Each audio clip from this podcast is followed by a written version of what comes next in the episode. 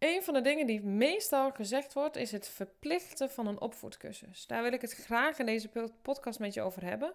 Want daarmee lijkt het alsof we de problemen oppakken.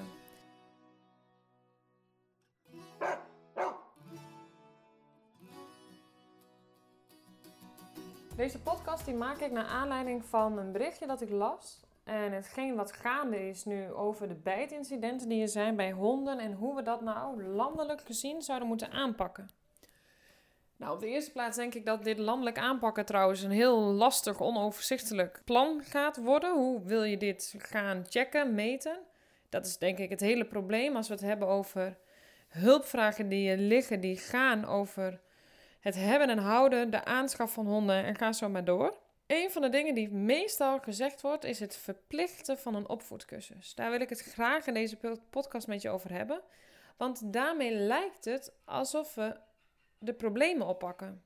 Dus een verplichte opvoedcursus lijkt een oplossing voor de hoeveelheid bijtincidenten die er zijn of de bijtincidenten die er überhaupt zijn. Toch denk ik dat het probleem over zoveel meer gaat dan dit en over zoveel meer dan wel of geen controle hebben over je hond. Een verplichte opvoedcursus, wat houdt dat dan in? Bij wie kom je dan terecht en wat leer je dan? De meerderheid van de mensen volgt namelijk een cursus en de meerderheid van de mensen heeft een probleem met hun hond, in welke vorm dan ook. Dat komt onder andere omdat we in een vaardigheidscultuur leven. We leren veel te weinig over wat de hond nodig heeft en dan vooral ook hoe zijn communicatie werkt en wat het allemaal betekent. Dus we leren niks over hoe je gedragsproblemen zou kunnen voorkomen, waardoor ze ontstaan en noem het maar op. De gemiddelde persoon die zegt achteraf, inclusief ikzelf, en dus als de hulpvragen er al zijn, had ik dit maar eerder geweten. Of had ik dit maar geleerd op de hondenschool waar ik heen ging. En dan nog maar te zwijgen over de onderlaag die we hebben. Bijvoorbeeld hoe we kijken naar honden en hoe we denken over honden en waar we ze vandaan halen. Want zo ontzettend veel honden in Nederland komen bij slechte fokkers of broodfokkers vandaan. En dan nog maar te zwijgen van over alle buitenlandse honden die je met liefde kan adopteren. Maar weten je aan begint, dat is een must. In dat geval zeker. Maar niet zelden dragen ook deze hond een verleden met zich mee en leek het op het, op het plaatje mooier dan het was. Dus als we de problemen met de honden willen tackelen, dan moeten we zoveel lagen verder kijken en niet meteen roepen dat een opvoedcursus nou zo heilzaam is. Er is meer nodig dan dit. Veel meer. En dit landelijk aanpakken betekent ook landelijk kijken naar hoe gaan we om met onze honden, met dieren in het algemeen. We hebben een veel groter probleem dan op deze manier lijkt. Dit gaat over bewustzijn en daar valt meer winst te behalen dan bij een slechte opvoedcursus terechtkomen waar je niks, geen fundamentele dingen hebt geleerd. Dus laten we het probleem eens bij de kern aanpakken. En daarin kom je ook meteen bij een stuk die landelijk niet meetbaar is, maar waarin ook de vraag is: welke mensen gaan hierin mee? Als we het hebben over een stukje bewustzijn, dan begin ik bij de allereerste laag, die er wat mij betreft is als we het hebben over, het, over gedragsproblemen bij honden. En dat zit voor mij in de manier van denken over het hebben, het nemen van een hond. Over de maakbaarheid die er is, de, het gemak waarmee we honden aanschaffen. En nee, niet iedereen. Nee, natuurlijk niet. Maar voor de grootste hoeveelheid is dat wel het geval. Voor de meeste mensen werkt zoiets toch vaak averechts. En dan kom je dus in dat stukje had ik het maar geweten. En ik denk dat dat meteen een groot probleem is. Maar doordat dat probleem er eigenlijk ligt, een probleem die gaat over een stuk bewustzijn, heb je ook meteen een markt daarvoor. Die ervoor zorgt dat er veel slecht gefokte en broodfokhonden zijn. En een groot probleem daarvan is dat, en, en er is dus ook een onderscheid, want je hebt slecht gefokte honden, honden die niet zodanig gefokt zijn dat ze in hun primaire socialisatiefase dat meekrijgen. Dat ze zich ontwikkelen tot die stabiele hond die we eigenlijk uiteindelijk allemaal willen. Een slecht gefokte hond is een hond die hobbymatig is gefokt. Dat hoeft niet altijd slecht te zijn. Nee, dat is echt even een belangrijke kanttekening. Maar hobbymatig is gefokt of uh, deels commercieel is gefokt of een oepsnestje of noem het op. Maar wel vaak honden die ergens in een schuur achter op het erf zijn opgegroeid, die niet verder gekomen zijn dan dat erf, die niet naar binnen mochten komen. Je mist dan dingen in je socialisatie. Een slecht gefokte hond gaat dus niet altijd over ehm, dat dat geen officiële stamboom heeft of wat dan ook. Want die honden kunnen net zo goed gefokt zijn. Maar het gaat wel over in welke omstandigheden zijn de honden. Is de hond gefokt ook? Um, een stukje kennis komt hier ook bij kijken. Ook wel hoe is de moederhond? Ehm, hoe voelt de moederhond zich? Hoe, het, daarin zit toch wel ook een bepaald proces bij. met welke oudere dieren ga ik fokken? En ja, wat speelt daarbij een belangrijke rol? En wat je gewoon heel erg mist bij een slecht gefokte hond, is dus eigenlijk dat hij in die primaire socialisatiefase een aantal cruciale dingen mist die wel essentieel zijn. En dat kan dus ook gaan over een goede, stabiele, gezonde ouder dier. En een broodfokker, ja, dat zijn fokkers die in erbarmelijke omstandigheden honden fokken, waar eigenlijk alleen maar commercie een rol speelt. En waarbij honden uit het buitenland komen. Dus die honden lijken allemaal in Nederland gefokt, maar dat is niet waar. Ehm, in de meeste gevallen zie je toch dat ze uit Bulgarije, Hongarije, Oost-Europese landen komen. En niks daarvan is zuiver en commercie staat met grote letters boven hun hoofd. Commercie, commercie, commercie. Toch is het wel zo dat als er vraag is, is er ook aanbod. En dat betekent dat we ons bewustzijn moeten veranderen over: ik wil een hond, waar haal ik ze vandaan? Wat betekent dat? Wat houdt dat in? Wat komt er dan op me af? Lijkt toch vaak alsof het alleen maar leuk en gezellig en schattig is. En ja, nou ja, dat is het niet. Dat is het ook. Maar dat is het ook niet, want je hebt er ook werk van. En vaak zijn we ons nog wel bewust van het. Ehm, hè, ik maak altijd een beetje een onderscheid. Want ik zie toch vaak dat er mensen zijn die zeggen: Ja, maar ik heb me verdiept. Ik heb me verdiept in het ras. Ik weet zeker dat dit bij ons past. We hebben financieel de hulpmiddelen om het ook echt te ondergaan. Nu, de komende jaren. We kunnen hond, deze hond geven wat hij nodig heeft. Waar ze zich echter niet in verdiept hebben, is waar haal je die hond dan vandaan? Want dan vervolgens heb je, ga je ergens naartoe en blijkt dat je een broodfokhond hebt. En dat kan dus consequenties met zich uh, meedragen. Want als die hond op geen enkele manier een stabiel platform heeft, of ziek is of wat dan ook, dan kan je dan dus hulpvragen krijgen. Onder andere omdat een stabiel platform, stabiele voorouders, in goede omstandigheden gefokt zijn, goede socialisatie, uh, gezond zijn, geen lichamelijk fysiek ongemak en dus ook geen trauma met je meedragen is essentieel om je stabiel te kunnen ontwikkelen. En als je dan ook nog bepaalde rassen hebt die, ehm, wat mij betreft, niet per se gevaarlijker zijn, alleen de schade die ze aanbrengen, die is, die is wel groter. Ja, die kunnen er bij zo'n fokker voor nog grotere schade zorgen. Dus daar begint eigenlijk een probleem. Waar haal ik mijn hond vandaan? Wat houdt dat in? Waar is dit ras voor gefokt? Kan ik dat aan? Kan ik dat bieden? Maar ook, wat heeft een hond dan nodig? Hoe zorg ik ervoor dat ik in zijn hond zijn behoeften kan voorzien? Hoe voorkom ik nou eigenlijk gedragsproblemen? Wat heeft invloed op eventuele gedragsproblemen? Als ik vanuit mezelf spreek, ik ging naar een hondenschool met het idee, daar leer ik een soort van basisvaardigheden, basisdingen, die er gaan voor gaan zorgen dat ik in de komende periode, de komende tijd samen met die hond, een stabiele hond ontwikkel. Maar om heel eerlijk te zijn, had ik op de hondenschool al hulpvragen met mijn hond die eigenlijk niet echt begrepen zijn, weet ik nu. Maar ook wel door de jaren heen bleef ik die hulpvragen houden. En die gaan over meer dan weten wat de plek is binnen het gezin. Die gaan over meer dan weten ehm, hè, de hond onder controle hebben. Gedragsproblemen gaat over meer dan dit. En daar begint het eerste bewustzijnstukje.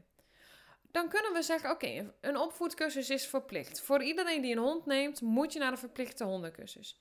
Ja, maar bij wie dan? Bij wie kom je dan uit? Wat leer je dan? En draagt dat dan wezenlijk bij aan die stabiele hond? Nee, ik denk het niet.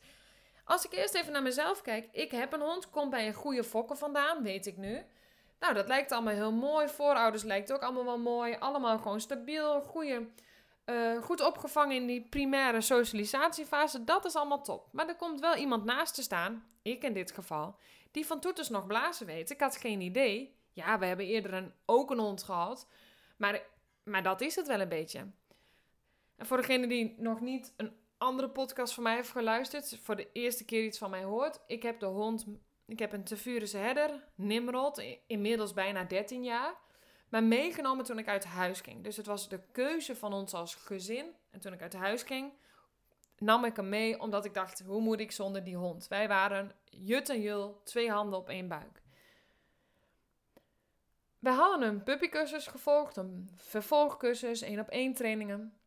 Maar we hebben alleen maar vaardigheden geleerd. En dat is het grootste probleem. Op de gemiddelde hondenschool, je hoort zo zachtjes aan wel al een beetje een tegenbeweging. Er zijn goede hondenscholen die zoveel verder gaan dan dit. Maar je leert vooral vaardigheden. Dus je gaat met je pup door zo'n tunnel heen rennen. Hij wordt aan een boom vastgeknoopt. Je loopt dus naar achteren en weer terug. Je laat hem wachten. Je leert hem aan de lijn lopen. Dat doen we vaak met een koekje voor de neus. Ehm, we gaan over wat ehm, dingen heen wiebelen en, en, en, en dat soort zaken. Allemaal hartstikke mooi. Wellicht dat er één lesje besteed wordt aan lichaamstaal, maar dat is echt niet heel, vind ik. Bij de gemiddelde hondenschool doet daar te weinig mee.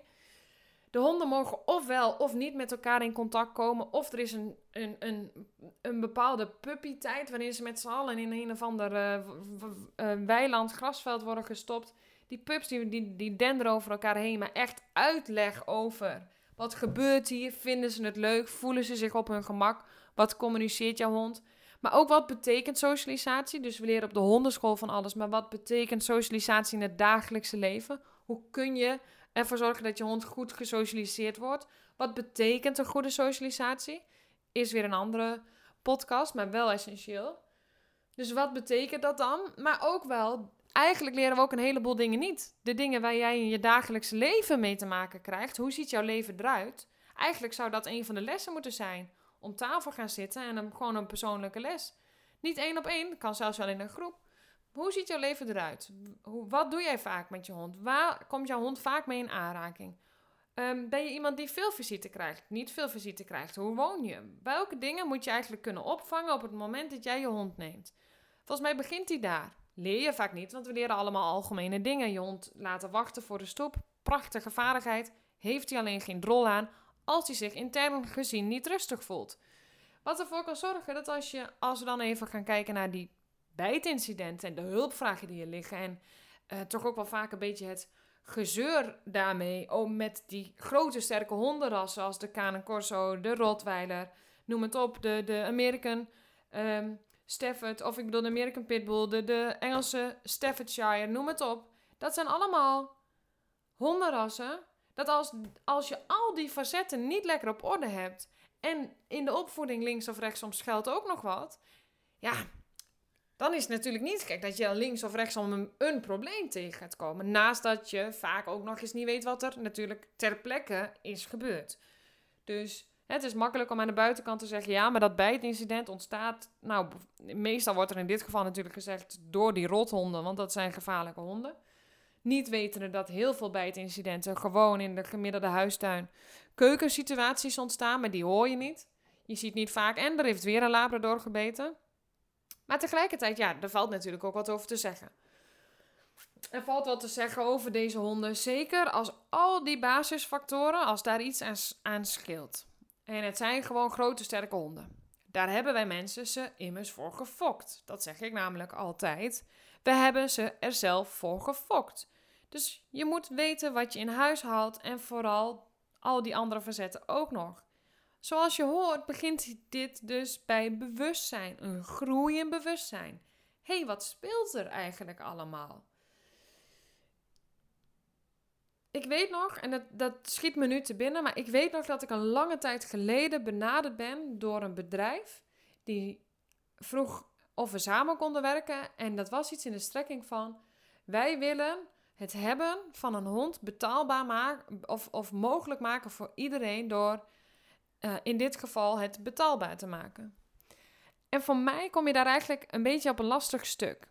Heeft iedereen het recht op een hond, op, op een, een, een hond als dierenvriend? Absoluut. Dit wil ik niemand ontnemen.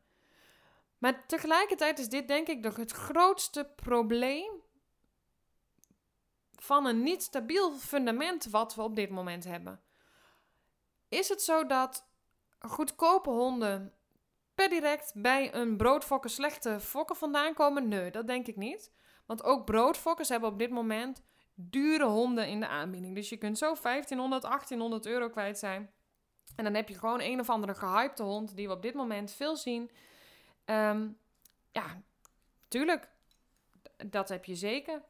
Beter gezegd, je hebt ook gewoon mijn hond. Was destijds 700 euro, 800 euro. En ehm, dat is al lang geleden. Dan spreek je over 13 jaar geleden. Je ziet vaak dat gehypte honden ook wat duurder zijn. Maar ik denk dat dat ook een probleem is. Want ik denk, en eigenlijk zou dit een, uh, ook een andere podcast kunnen zijn. Maar we zouden een potje moeten hebben op het moment dat we een hond willen aanschaffen. En dan heb ik het niet alleen over medische kosten. Want ja, daar kan je mee te maken hebben. En zeker als je ook nog per ongeluk die hond bij die broodfokker vandaan hebt of bij die slechte fokker. Als blijkt dat er gebreken zijn, als blijkt dat we door het doorfokken met onze honden uh, problemen hebben ontwikkeld bij een bepaald ras, ja, dat, daar begint eigenlijk je eerste vraag. Je moet het kunnen opvangen.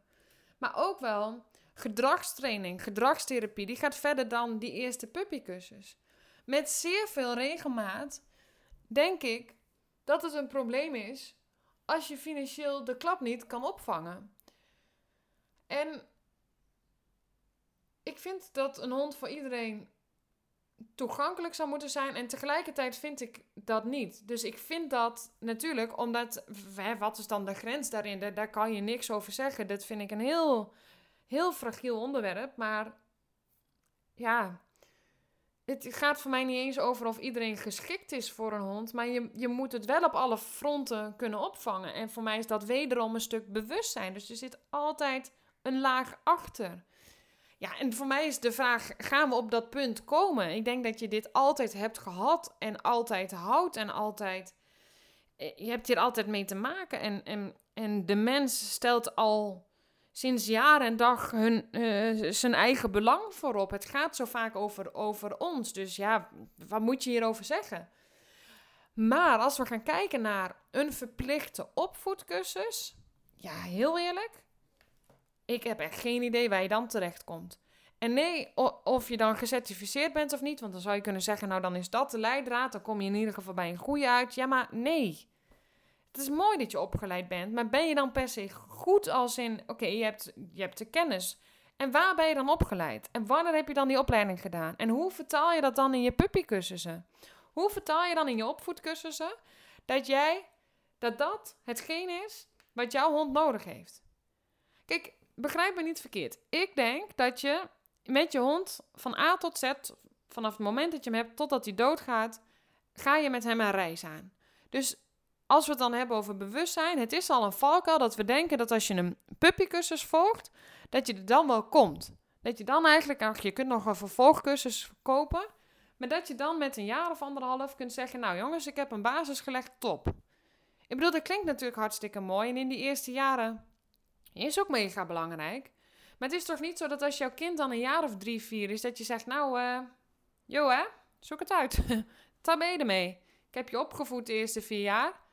Die opvoeding die neem je altijd mee, maar die verandert dus ook. Want een kind van vier heeft een andere opvoeding nodig dan een kind van twee. En een kind van twee heeft een andere opvoeding nodig dan een kind van zeven of van tien of van vijftien.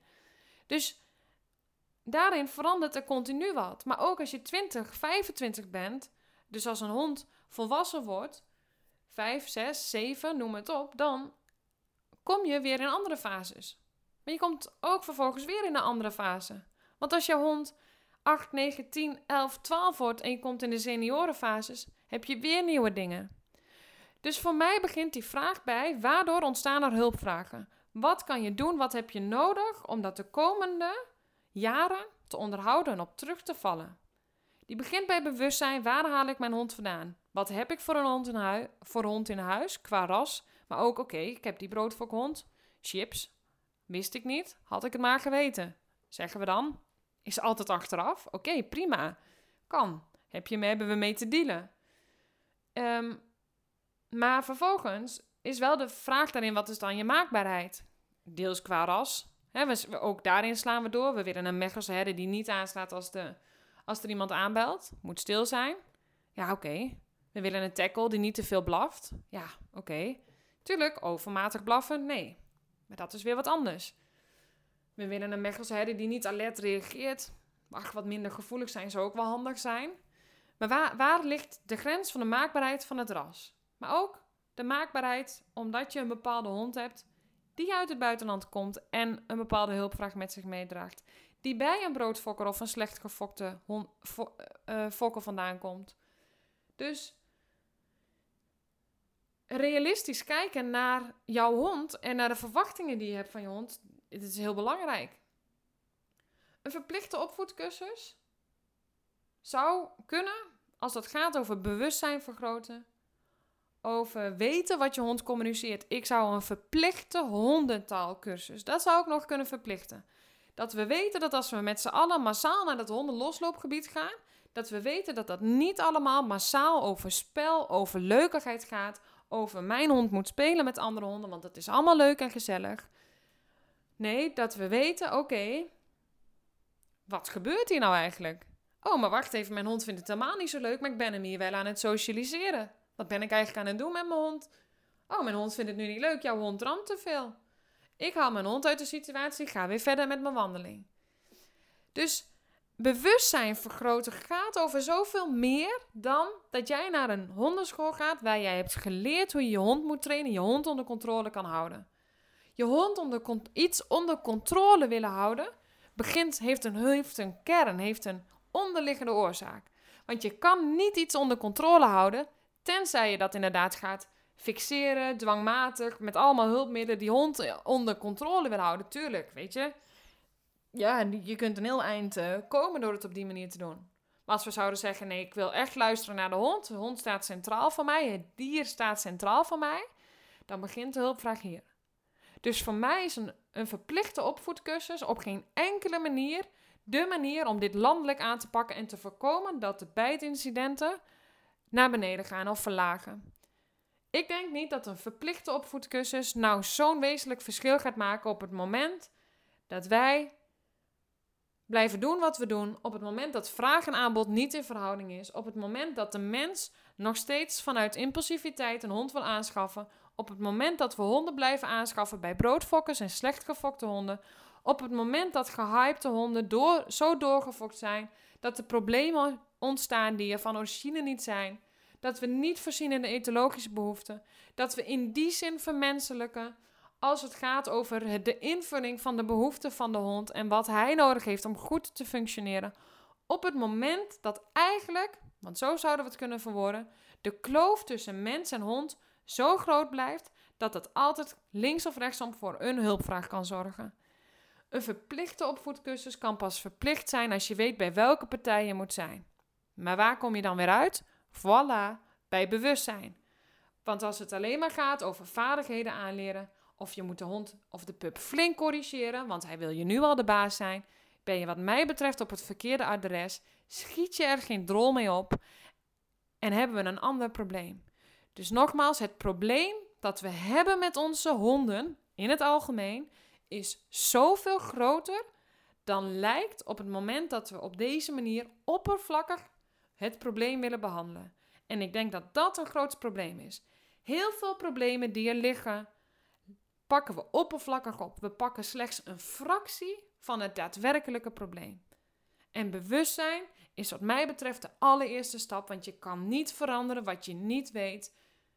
Er is een verandering nodig op de fronten, die als, op de punten die als ik benoem in deze podcast. Een verplichte opvoedcursus is een, een opvoedcursus in het algemeen is niet zo heilzaam als we denken. Want je kan maar zomaar bedrogen uitkomen en we zitten op de verkeerde punten in onze trainingen als het gaat over het opvoeden van een hond tot een stabiele hond waarmee jij kan samenwerken, in verbinding kan zijn. En volgens mij kunnen we daar winst behalen. En daarin zouden we landelijk iets kunnen doen. En tegelijkertijd is dat super lastig, want het is niet meetbaar. Hij is net zo slecht te meten als het verbieden van een e-collar. Terwijl je nog steeds e-collars online kan komen. Als ik wil, kan ik gewoon een e-collar kopen. Ga ik mijn hond lekker trainen met een e-collar. Want er is geen kip die erop let. Er is niemand die, die het ziet. Dus ja, het is, weet je, het is meetbaar en het is niet meetbaar. En dat is het lastigste. Maar bewustzijn kunnen we wel vergroten. En ik denk dat die ook begint bij je stem laten horen op dit gebied. Van oké, maar wat is er nou echt nodig als we dit probleem willen aanpakken? Nou, tot zover mijn visie op: is een opvoedcursus verplicht? En, eh, of zouden we dat moeten verplichten? En gaat dat dan zo heilzaam en oplossend zijn voor de problemen die er liggen? En volgens mij is mijn antwoord duidelijk. Bedankt voor het luisteren en tot de volgende keer.